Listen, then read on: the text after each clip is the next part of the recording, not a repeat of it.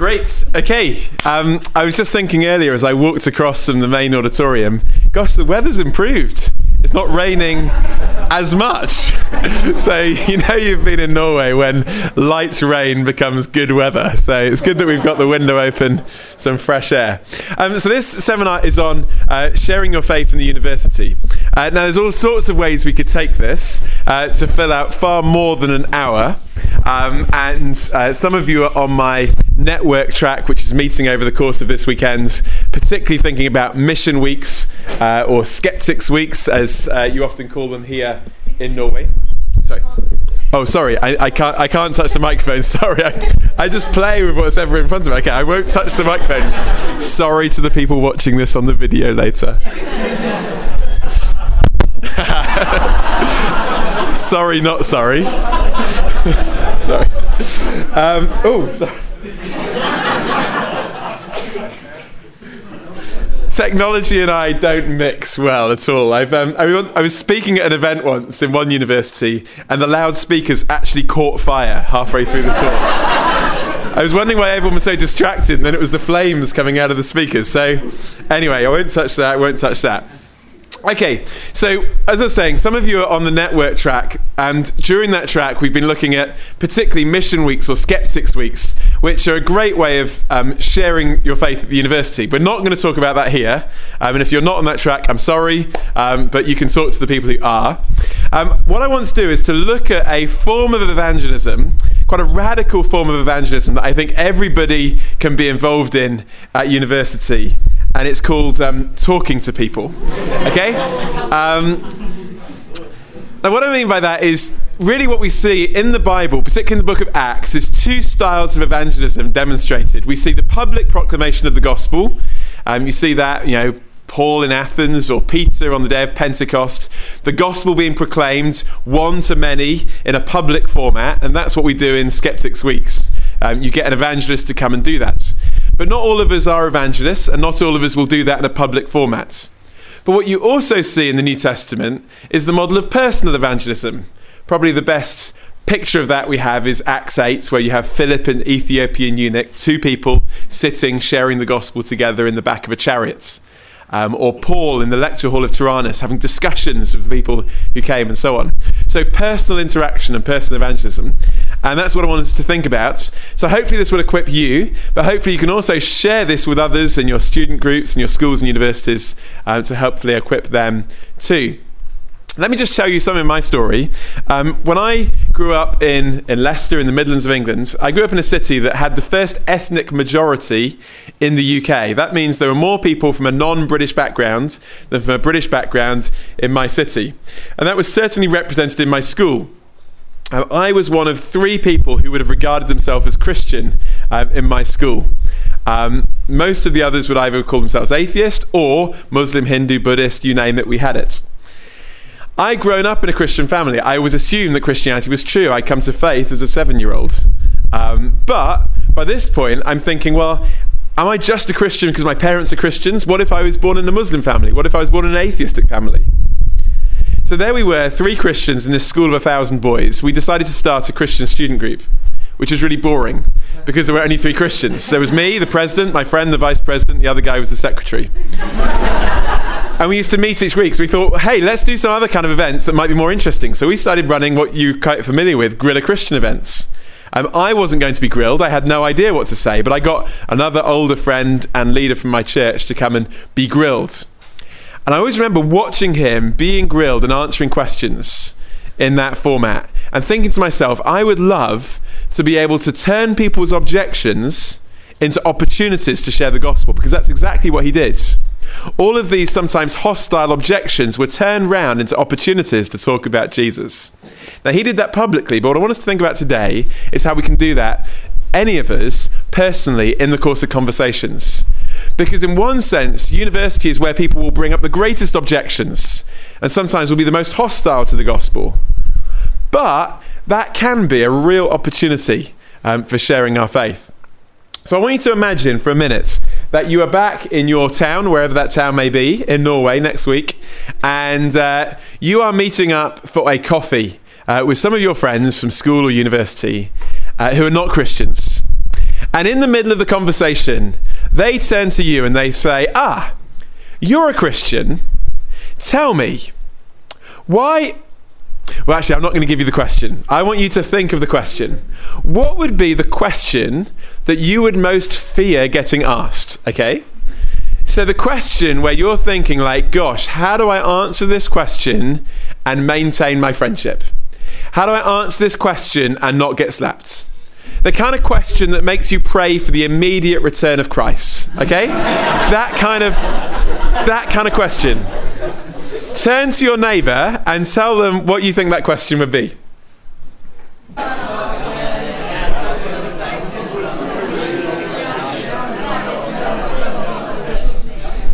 And we won't go around everyone because there's too many people, but um, I'll just kind of do a little survey so we can see what kind of questions we came up with. So, if um, these were your questions, uh, just put your hand up. So, what if your question was about suffering? Um, any have questions about suffering? Oh my God, allows suffering. Okay, you allowed to look around so you can get a kind of gauge. Okay, so there's a few of you. Um, what about questions about hell? Why does God send people to hell? Has my granny gone to hell? Those kind of things. Yeah. Okay. Okay. Quite a few. Um, what about questions about other religions and what do you think about other religions like Islam or stuff like that? Any of those? Okay. Um, questions about science and uh, issues about science, evolution, that kind of stuff. Any? Okay, a few of you. Um, questions about sexuality, homosexuality, gender, stuff like that. Okay, quite a few of you. Um, any other questions? Shout them out. Okay, so. Okay, so obscure, meaningless laws from the Old Testament. Anyone else have that? No. Okay, that's quite. Okay, one. Okay. Oh, anything else? Um, uh, Yeah. Evil, that's not because of our choices, but like diseases. Okay, natural evil that we might call. Um, so people have questions about that. You know, whether it's diseases or earthquakes or that kind of stuff. Anyone? Yeah, a few. Okay. Anything else? Divine hiddenness. Okay, divine hiddenness. Why doesn't God make himself clearer um, if he surely could? Anyone else have that? Okay. And that's an interesting question because it's not just kind of, is there evidence for God, but it's more of a moral accusation, isn't it? Like, why doesn't God make himself clearer? How can I be responsible for not believing in him if he hasn't made it so obvious? That kind of thing. Any others?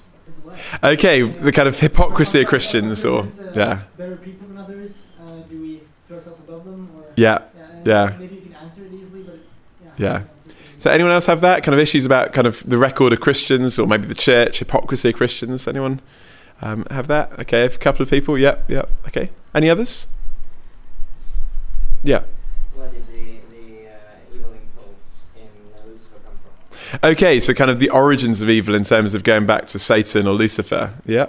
Yeah, the problem is often to answer short because you all have like some few minutes to. Yeah, yeah.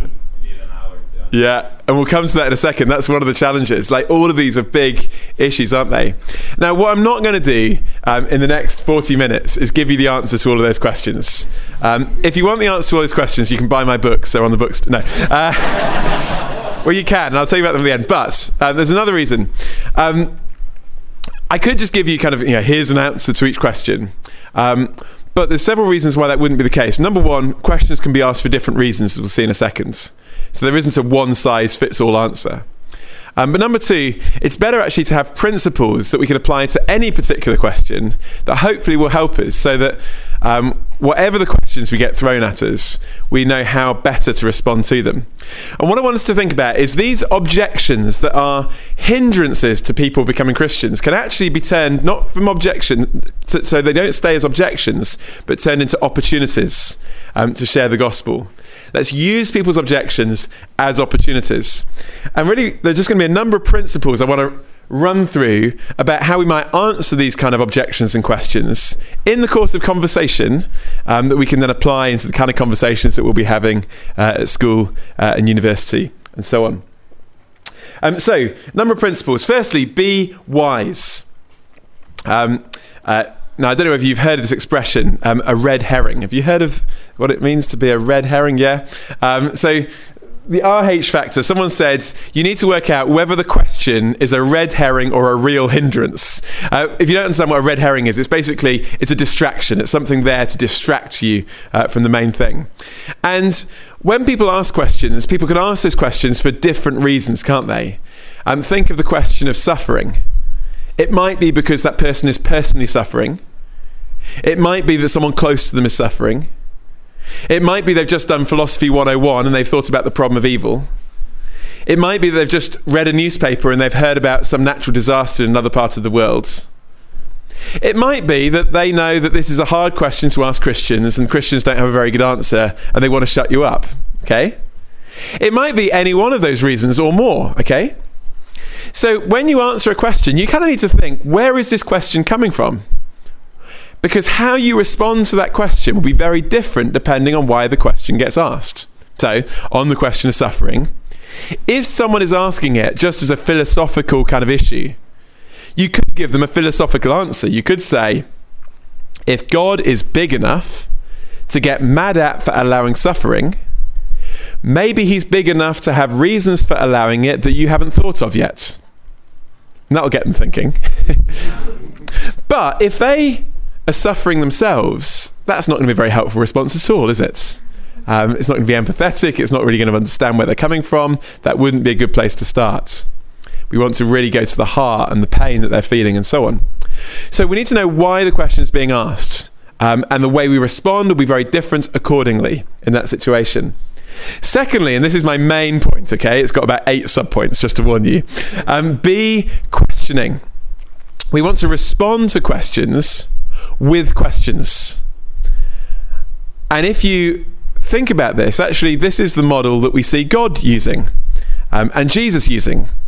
Um, so, the first questions in the Bible, back in Genesis, the first question, do you know what the first question was asked? Who, who asked the first question? No, that was the second question. Who asked the first question? Satan. He said, Did God really say? And then God asked the question, um, Where are you? Now, interestingly, like neither Satan nor God asked those questions because they didn't know the answer. um, they asked them because they knew the power of questions um, in people's hearts, both for good or for ill. Um, and then in the Gospels, you see Jesus asking questions. Over 200 times, Jesus asks questions. Again, not because he doesn't know the answers, but because he knows the power of questions. So, how are questions helpful? Why are they useful? Well, firstly, they help us because we aren't God. And so sometimes we have to ask questions because we don't know. So when someone asks you, why does God allow suffering, you may not know why they've asked that question. You may need to ask them another question to find out, like, what kind of suffering were you thinking of? Or what in particular has prompted you to ask that question? A question that will help you know more about where they're coming from so you know how to answer the question. But questions don't just help us, they also help the people we're speaking to. It can be really helpful in that regard. How? Here's a few ways. Firstly, it will help people think through their assumptions. You know the story of the rich young ruler, the guy who comes to Jesus and says, What must I do to inherit eternal life? Now, if you were Jesus, what would you do in that situation? If I was Jesus, I'd probably say, Well, hang on a minute. I can draw you a kind of gospel outline, and explain like, the four spiritual laws or something like that. I'll tell you how you can inherit eternal life. But Jesus doesn't. Do you remember what Jesus said? Why do you call me good? Which is interesting, isn't it? Now, think back to this rich young ruler's question. He's just said, What must I do to inherit eternal life? What is the assumption that lies behind that question? That you can attain eternal life. That you can attain eternal life by doing something. In other words, by being good, right? So the assumption is good people are in, bad people are out. You tell me what to do so I can be good enough. So that's the assumption, which is pretty much the assumption that most people have about religion, isn't it? Good people are in, bad people are out. Try and be good. So, what does Jesus do? He asks a question that unlocks the assumption. He says to this man, Why do you call me good? And then he says, No one is good except God alone. So, in other words, Jesus is saying, You think you can be good enough to get eternal life, But the only person who's good enough to do that is God, and your application to join the Trinity has just been turned down because you're not good enough. And then through the conversation, Jesus shows him why he's not good enough because although he thinks he's kept the law, he's actually failed massively because he's got this issue of greed um, and he doesn't want to let go of his money. So Jesus unlocks that assumption. People come to conversations with assumptions, and those assumptions will be part of their objection. So if someone says to you, um, Do you think I am going to hell? And you say, Yes. They will probably be getting quite offended right now, okay? Now, if they're being kind of Norwegian, they may not say it. They may be kind of very polite, but you know they they're feeling it right in their hearts. They're being offended. Now, why are they offended? If their assumption is that good people go to heaven and bad people go to hell, and you say you are going to hell, why are they offended? Because you're saying they're a bad person. Because you're saying they're a bad person. And then if you go on in the next breath to say, and I think I'm going to heaven, then you're saying, and I'm much better than you. Now, of course, that's not what you're wanting to say. None of us think we are better than you or that I'm going to heaven because I'm good. But because of their assumption, they have this objection. And if your answer doesn't tackle the assumption, then you'll never get over the obstacle. So it's really important to think through what are the assumptions that people have about the Christian faith and how can we question those assumptions um, so that people can see where the issue is coming from. So if someone was to say to you, Do you think I'm going to hell? I guess I want to turn around and say, Who do you think deserves to go to hell? Which would unlock the assumption that they might have in their mind. Or, who, if any, do you think deserve to go to heaven? Uh, to flip it round in that way. Okay? So, questions unlock assumptions. Secondly, questions ensure conversations. Now, someone very helpfully said the problem with all of these questions we started with is that they all would take a long time to answer. You know, there are whole books written on each of those subjects. Now, it's fine if you're going to invite someone to a talk on those subjects for people to sit and listen to 20 minutes of an answer. But I would suggest if you're having a conversation and someone asks you a question and you talk at them for 20 minutes without pausing, that's no longer a conversation, is it? And we all know what it's like when someone talks at you continually. You basically make a mental note not to talk to that person again because we don't like it, okay? We don't like it when conversations turn into monologues. So, how do we prevent conversations turning into monologues? How do we answer questions satisfactorily, but not just give people a sermon? And the answer is by asking questions. Because then you're exploring the issue together. So you may spend half an hour talking about the question of suffering, but you aren't doing all the talking. And it's always good to go back over a conversation and ask yourself the question who did the most talking? And if you were doing all the talking, maybe you need to do less propositional statements and more questioning of that person. And then asking questions defines the issues. I used that story last night for those who were there about my hairdresser and her assumption about faith, that faith was just believing things that aren't true. And it's worth saying that when people use words, we shouldn't assume that what they mean by the word is what we mean by the word as well. Okay? Um, so you can talk about faith, you know, this blind belief in the irrational, that's what people think it is. Or think about God.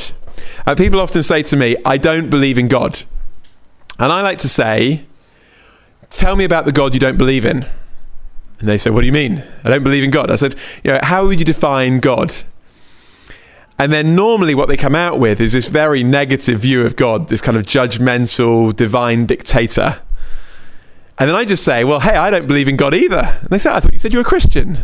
I said, well, I am, but I don't believe in that kind of God. So it's good to ask people, what do you mean by that? Um, before we assume that what we mean by that is what they mean by that. Then asking questions will help when people are antagonistic. And you notice this particularly with Jesus. When Jesus is asked hostile questions, he always responds with a question. So remember when they come to Jesus and they say, Should we pay taxes to Caesar or not? It's a hostile question. Because if Jesus says yes, then the Jews will hate him because he sides with the Romans. And if he says no, then the Romans will kill him because he's undermined the authority of Rome. So, what does Jesus do? You remember? He gets a coin and he says, Whose image is on the coin? A question. Caesar's, they say. And then Jesus says, Okay, give to Caesar what is Caesar's, give to God what is God's. Brilliant response. Now, interestingly, they don't continue by asking what they should have asked, which is, Okay, what belongs to God then? Yeah, if the coin belongs to Caesar because it's got Caesar's image on it, what belongs to God? And I think Jesus would have said, Whose image is on you? Because God's more interested in you than your money. But they didn't ask that because they weren't interested in the answer. They were just interested in trying to trick Jesus. Or when they come to Jesus and they say to Jesus, Do you remember they say, By what authority are you doing these things? And Jesus turns it round, doesn't he? And he says, um, John's baptism, was it from heaven or was it from men? And they go away and they have a little conversation. And they come back to Jesus and they say, We don't know. Because they know that if they say it's from heaven, they'll say, Well, why didn't you believe? And if they say it's from men, they'll stone them because they think John was a prophet and so on. So they, they know that it's a trick question. So they come back to Jesus and they say, We don't know. Do you remember what Jesus said in response? He said, Neither will I tell you. Now, have you ever thought that that is not a grammatically correct answer to someone who's just said to you, I don't know? Someone says to you, I don't know, you would say, Neither do I. Yeah? I don't know either. But Jesus says, Neither will I tell you. Because what Jesus is doing is basically saying, I know that you're not stupid enough to answer my trick question, and I'm not stupid enough to answer yours. Fair game? Brilliant, isn't it? Absolute genius. So when the questions are hostile, sometimes the best thing to do is not to answer the question. Sometimes questions, particularly questions about sexuality, are asked with such a hostile motivation that actually the worst thing to do is just to start trying to answer it, because we'll never get very far. Now, in some contexts, it's wise to do that, but in most situations, I would want to say something like this. I want to say, look, Christianity is not primarily about a moral code of sexuality, it's about the person of Jesus. And if Jesus rose from the dead, Christianity is true. And if Jesus didn't rise from the dead, then it's not true and it's not worth believing. But the issue of sexuality and what the Bible says about it is nothing to do with whether Jesus rose from the dead. So let's start with Jesus and whether it's true, and then let's think about that issue later. and I deliberately put it on one side because actually we're never going to get very far. Or in another situation, I remember a guy coming to me and saying, What about all those wars in the Old Testaments? How could God uh, command genocide? And I could answer the question if he would give me time to do it, but I knew he wasn't going to. His manner was such that I knew he was just going to come back straight away. So I said, um, What would you do about ISIS? He said, What do you mean? I said, Can you tell me how you think we should solve the problem of ISIS? He said, I don't know. I said, Do you think we should just go and say, like, can you stop being so nasty? Like, sit down and have a talk about this? He said, You can't do that, they'll kill you. I said, Okay, so what should we do? He said, Well, I don't know. I said, So here we are in the 21st century, and we're still not sure how to respond to the problem of evil in the world. So before we write off the Old Testament, maybe we need to look at the context of it and think, actually, if we don't know how to respond to the problem of evil in the 21st century, maybe the problem 3,000 years ago is more complex than we understand. And maybe we need to think through what the solution might be. Now, we could have talked about that more. Actually, he didn't want to talk about that more because he didn't really want to know what the answer was. But turning the question round with a question can sometimes be really helpful when people are hostile. And also, it's worth saying when people are apathetic, kind of the opposite extreme, this can also be helpful in some ways it's easy when people are antagonistic isn't it because you can just kind of come back you can have a debate it's quite fun but what do you do when people are just like can't be bothered not interested well then again i think questions are really helpful let me give you one example I was down in Copenhagen speaking at a mission event, and after the final talk on the resurrection, I went around the tables asking people, you know, if they were interested in finding out more and what their thoughts were. I went to one table and I said, What do you think of this? And the girl sitting in the middle of the table um, said, I'm not really interested in all this Jesus stuff. It's kind of discouraging when you've just kind of done a whole talk about the resurrection and you're kind of showing this is really important. And she's like, No, I'm not bothered. So I said to her, What are you bothered in then? What are you bothered about? And she thought for a moment. She said, Well, I'm bothered about love. So then I said, Okay, what is love? She sat there and thought for a moment, and she said, "It's um, it's uh, it's um, it's I don't know." I said, oh, "That's interesting. I'm not trying to be clever. I just think, you know, if this is what you believe in, this is what you're passionate about, you might be able to define it." She says, "Well, I'm not sure." Then I said, "Can I give you a definition of love?" And she said, "Okay." Now, I didn't give her a Christian definition. She wasn't interested at that point. So I said, I presume you don't believe in God. She said, Of course not. So I said, okay, love is a chemical reaction that's evolved in our brains to make us attracted to people, normally of the opposite sex, so that we reproduce and we pass on our DNA. And perhaps because her boyfriend was sitting next to her, she looked at me and she said, That is not love. and I said to her, Why not? She looked at me and she said, I don't know. I said, if there's no God and we're just material beings with chemical reactions, why should we think it's anything more than that? And then she said, I don't know, but why do you what do you think love is? And at that point, we were able to start to get onto some Christian things and talk about a God who is love and eternally in his being has always been love, and how he created us in his image to reflect his image of being loving beings, and how that's at the center of what it means to be human, and so on. And then we were having a good conversation. Why? Because it started with a question. Most people, or a lot of people, I should say, in Europe today aren't that bothered initially about Christianity. They think it's irrelevant, they think it's outdated, they think it's in the past. But everybody's bothered about something, aren't they? So don't start with what they're not bothered in, start with what they are bothered about, and then build a bridge through questions to show how it might be relevant to the Christian message. So it helps when people are apathetic. But also, let me say this finally on questions questions get to the heart in our conversations, we want to get beneath the surface and below just the intellectual objections to the heart issues. Um, two questions that I sometimes use. Sometimes I'm in conversation and you go round in circles and there's all these kind of objections and issues and questions, but you don't really feel you're getting very far. So I would want to just say to someone, hey, if I could answer all of your questions satisfactorily, would you become a Christian? And if they say yes, I'd say, great, what's your next question? But a lot of the time they say, well, no, of course not. And I say, okay, what is it that stops you from really becoming a Christian? Because it's obviously not these things. And that simple question can get to the heart issue that's at the base of people's objections and questions. And you'll often find it's not an intellectual issue at all, something in their past, something in their background, something they won't have expressed straight away. Or sometimes you find people are quite open, they're, they're engaged. And I just like to say to people, can you just tell me what it is stopping you from becoming a Christian? And again, that simple question can get to the heart and you can reveal what's really going on. So questions can be really helpful in all sorts of ways, and they're a b- beautiful tool that we have in our conversations to use. And if you forget everything else I've said, that would be the one thing I'd want you to remember. In our conversations, learn the power of questions and to open up those conversations uh, and to really get to the issues. Now, um, that was the second point. Not doing very well, are we? Um, we've got about six more, but they're quick. And then we'll go to your questions um, in a moment. Um, number three, be honest. Uh, when people ask you questions and you don't know how to answer them, don't pretend you know the answer.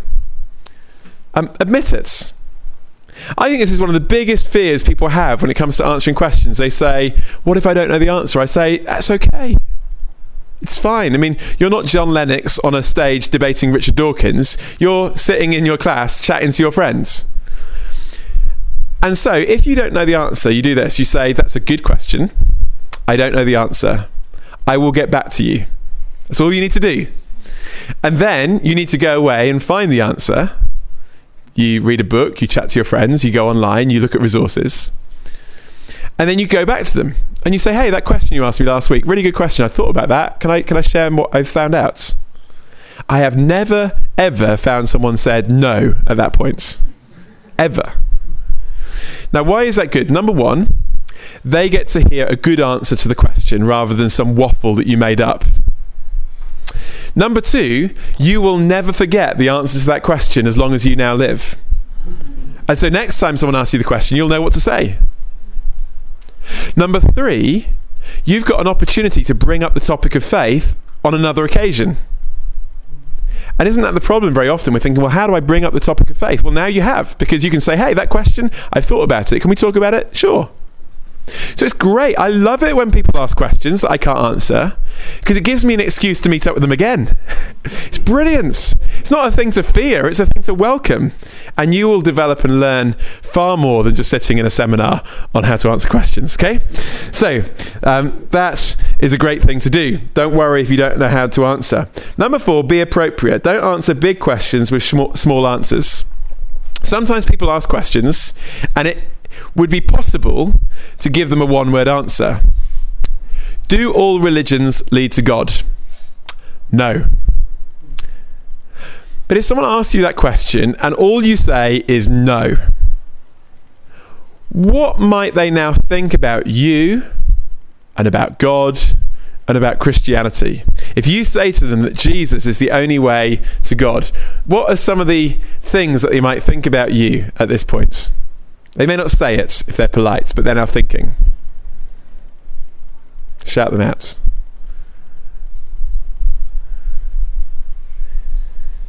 You've just said Jesus is the only way to God, other religions are not true. What kind of adjectives might they use to describe you? Yeah. So intolerant. Intolerant, yeah. Arrogance. Arrogance, yeah. Uninformed. Uninformed or ignorance, maybe. Unintelligence. Narrow minded, perhaps. Now, in the Bible, when you have the list of the fruit of the Spirit, how many of those qualities are listed? If you're thinking, don't worry, none, okay? None of those are fruits of the Spirit. What I mean is, you've answered this question, like, all religions don't lead to God. That's all you've said. But now they're assuming a whole load of things about you and God and Christianity that aren't true. Because you've not really unpacked it. So that's where we need to go into more detail, don't we? Um, it's not just answering the question so that we feel that we've done a good job, but it's answering the question in a way that they've really understood why that might be the case. So, if someone says to me, "Do all religions? Um, do you think that Christianity is the only way to God?" Um, I'd say, "Well, hang on a minute. I'm not saying that religions don't have valuable things to teach, and I'm certainly not saying that I think that everything that every religion claims is false." But actually, I want to say that there is something unique about the Christian faith that I've not found in any other religion. Firstly, a God who has revealed himself personally in history in the person of Jesus. Secondly, a God who's dealt with the problem of the human heart through his death on the cross, offering forgiveness that we couldn't ever achieve. And thirdly, a God who is alive and risen from the dead and has conquered death and has the answer to it. Those things I find only in Jesus. Okay? So you don't have to say a lot, but you could say a bit more, couldn't you? To unpack what is unique about Christianity. What is it that Jesus offers that other religions don't? Um, then, number five, be biblical. It's not me versus you, but it's both of us looking at what the Bible says. Um, I love to get the Bible open with people because we want to say, look, it's not that I've just got this superior knowledge and I'm going to wow you with my philosophical abilities, but we want to say, look, I'm in the same boat as you. But I have found somewhere where there are answers to these questions. And the authority is not from me, but the authority is from somewhere else. So get the Bible open with people. I was chatting to a guy a while back, and he said, like, I asked him the question. I said, look, what's your biggest objection to Christianity?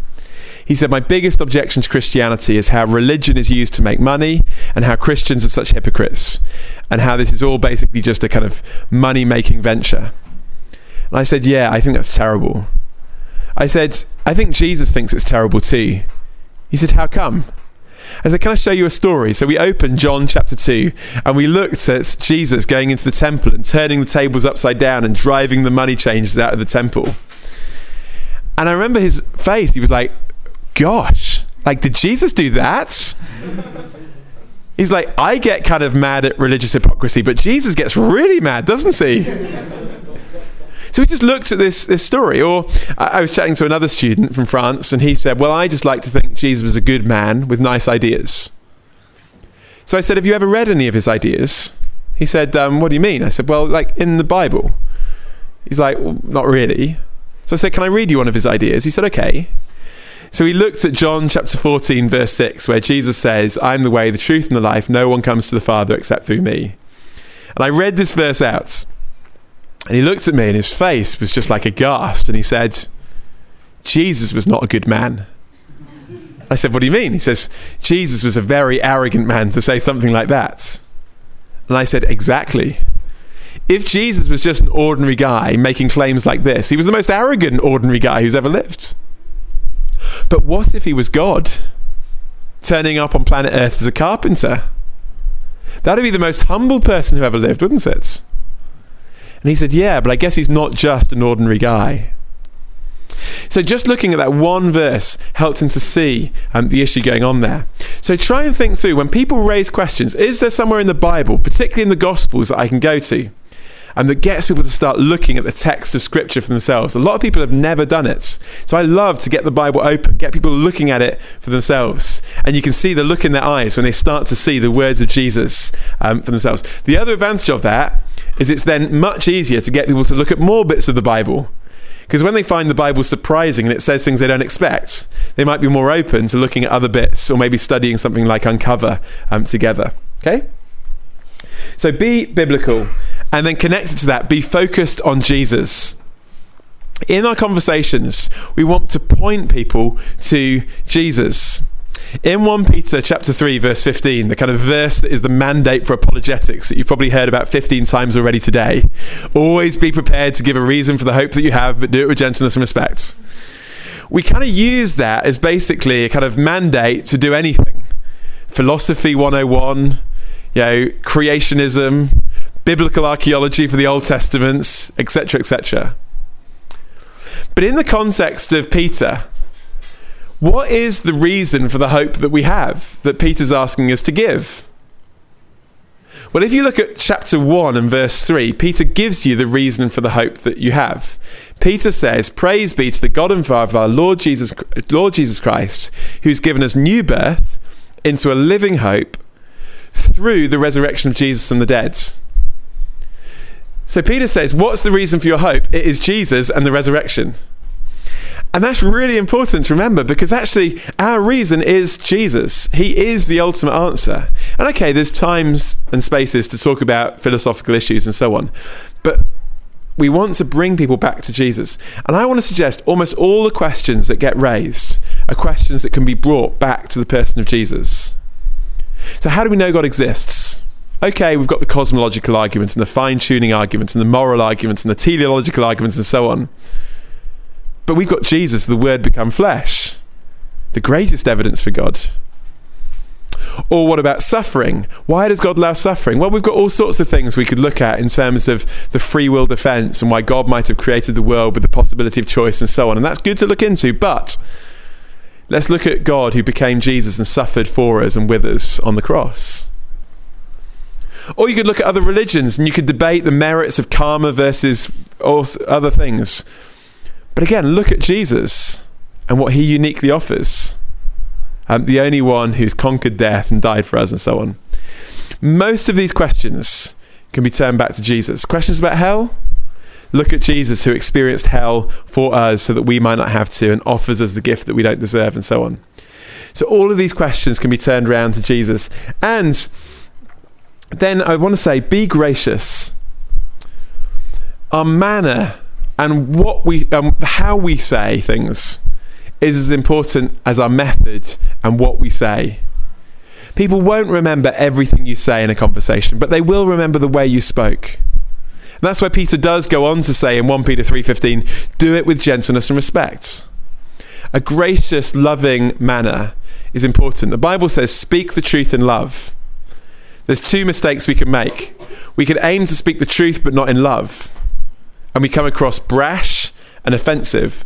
Or we are trying to be loving and therefore we don't speak the truth and actually we're not being loving at all.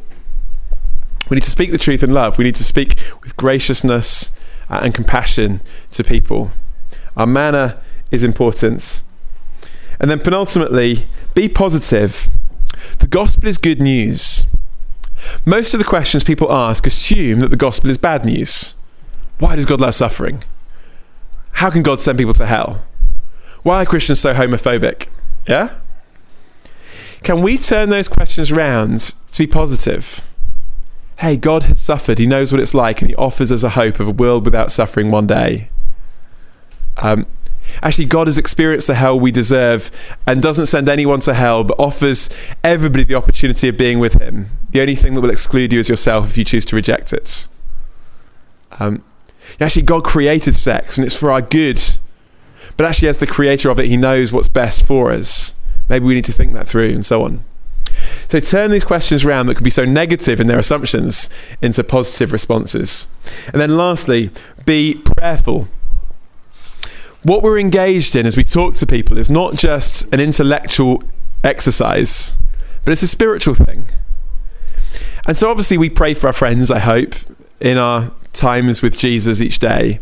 But even when you're talking to people and having a conversation, you could be kind of sending up an arrow prayer. God help. God, give me wisdom. Or sometimes, God, give me patience. um, arrow prayers to God in the midst of conversation where you're just asking God to come into that conversation and direct what you say. And often you can find as you do that, that people, the, the Spirit can lead you to say things that you maybe weren't going to say, but that can be really helpful at getting uh, to the heart. And I've experienced it where people can be really hostile one minute, and then a few moments later they can be almost in tears because something you've said has just touched a nerve and got beneath the surface. And that's going to be so valuable. So, those are a number of principles. What I would say, if you're feeling at this a bit overawed by that number of principles, is you won't be able to remember all of those things at once. And if you go into conversation trying to think how I need to be, I need to be prayerful, I need to be asking questions, I need to do this, I need to do that, you won't be able to. But maybe as you've listened to those, there are one, there's one thing that I've said today which you think ah, that's really helpful. I really want to work on doing that. Do that. Make that a priority. And as you have your conversations with your friends, try and work at doing that, whether it's asking questions or being more gracious or, or, or whatever it is. Develop that until it becomes kind of second nature, and then you can work on other areas too.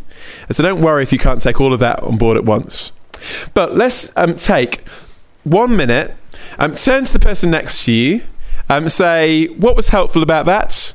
And what kind of questions have I got? So just discuss your questions because then deliberately left 15 minutes. I'd like to give us opportunity to ask questions off the back of that or related questions. Um, but to give you an opportunity to think of them, just discuss them in pairs now and then we'll go to questions in a moment. Okay? Go for it. Great let's pause there. So, questions, maybe questions about what we've talked about in terms of how we respond. Maybe there are specific issues or questions you're like, I really do want to know how I could respond to this issue or this question, um, or other related matters, or anything else. Who wants to go first? Yeah, great. Yeah. Okay. Great question. So, if you're having a good conversation with someone who's not a Christian, at what point do you kind of ask them if they want to become a Christian or lead them to faith?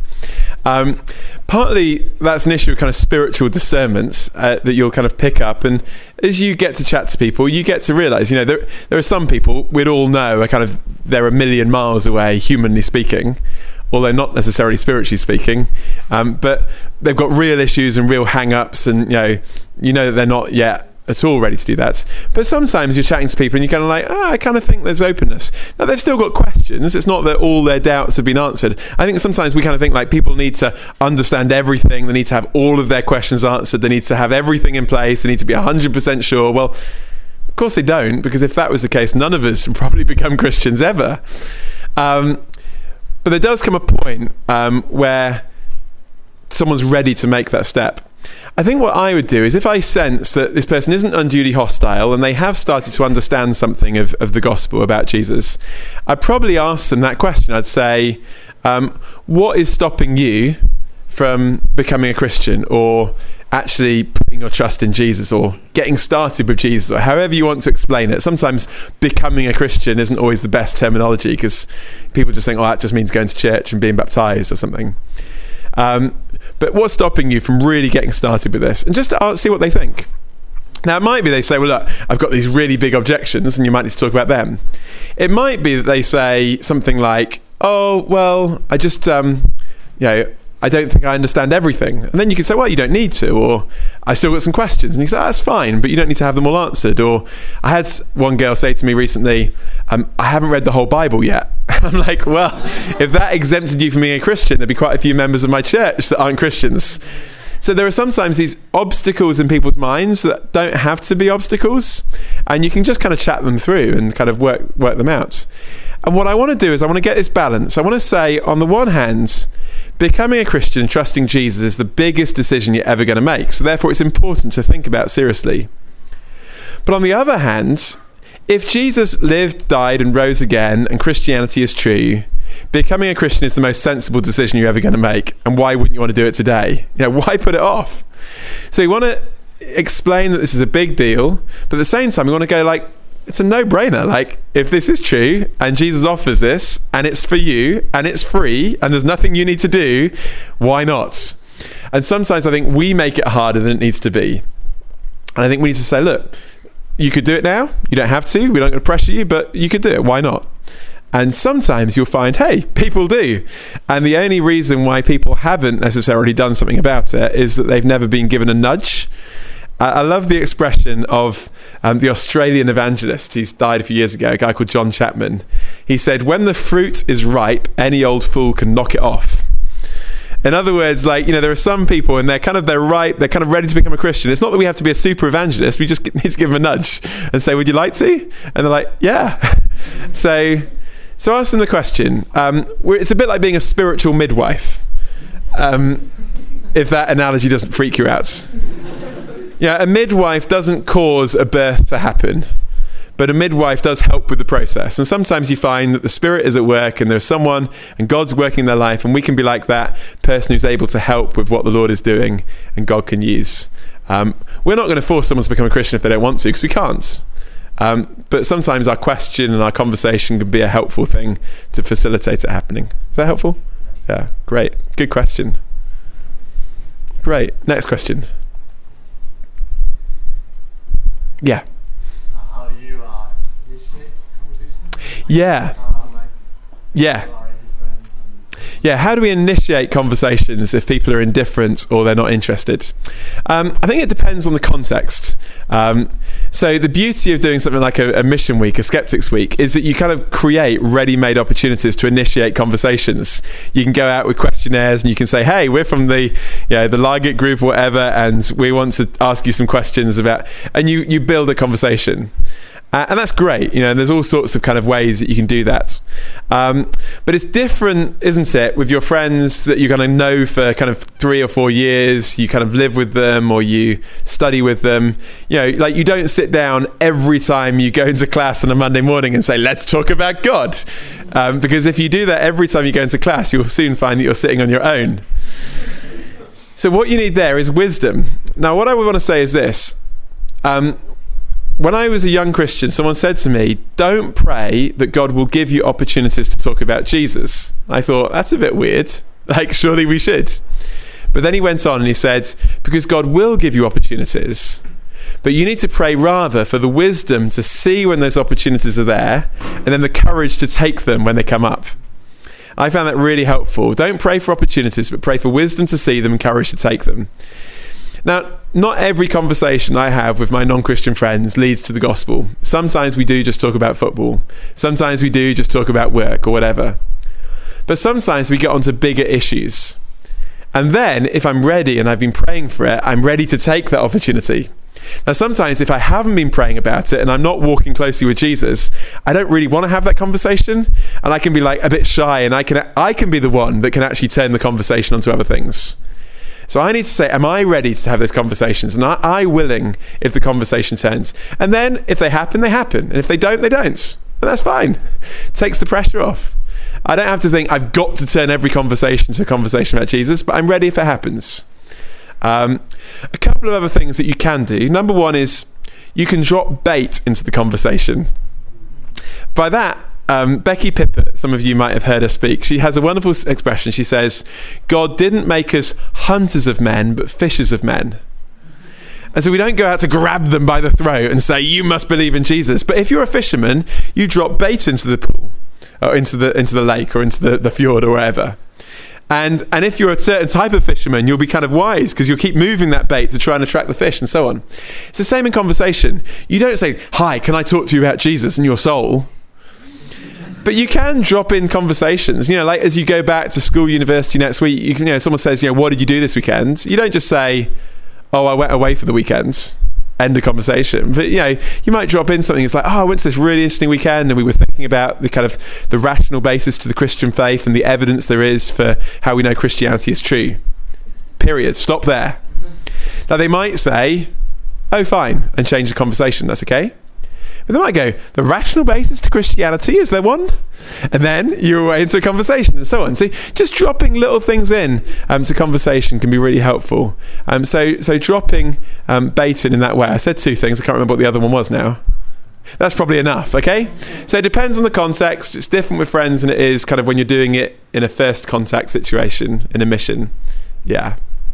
Right. Good question. Yeah. Uh, good quoting the Bible. Mm. Um, how do you develop like, intimacy with Yourself, like through the Bible, through prayer, Mhm. and actually become like confident in these things? Yeah. Okay, so you say I'm quite good at quoting the Bible. Thank you. Well, I only quote the bits I know, obviously. um, I don't quote the bits I don't. But how do you develop intimacy with God? How do you get to know the Bible well? Well, in one sense, there's no shortcuts. Um, you know, the traditional suggestion, which I still think is really effective, of spending a bit of time each day reading the Bible is great. And I think if you've not done it, making sure you read through the Bible from cover to cover is also a really good thing to do. And not every year, but probably every two or three years, I make it a habit of reading the Bible through cover to cover over the course of a year. Um, because it just makes means I read bits that I haven't read before or bits that I've forgotten about rather than just going to my favourite Psalms or stuff like that. So, so get into a habit of just reading the Bible. But also get into a habit of reading the Bible with your non Christian friends in mind we read the Bible as Christians and we read it kind of with our Christian kind of lenses on, as it were. But a non Christian reads the Bible in different ways. And as you read the Bible, you might say, oh, actually, that would be really helpful for my non Christian friend. You know, that story would be really helpful for them, or that would answer their question. And so start to think about how the Bible is not only helpful for you, but also it could be helpful for the people you, you chat to. And then you build up basically a kind of repertoire of helpful passages or verses that you find in certain conversations you could use. Um, and so it's not that I would use every part of the Bible. Of course, it's all inspired, but there are some bits in certain contexts I find really helpful or really useful.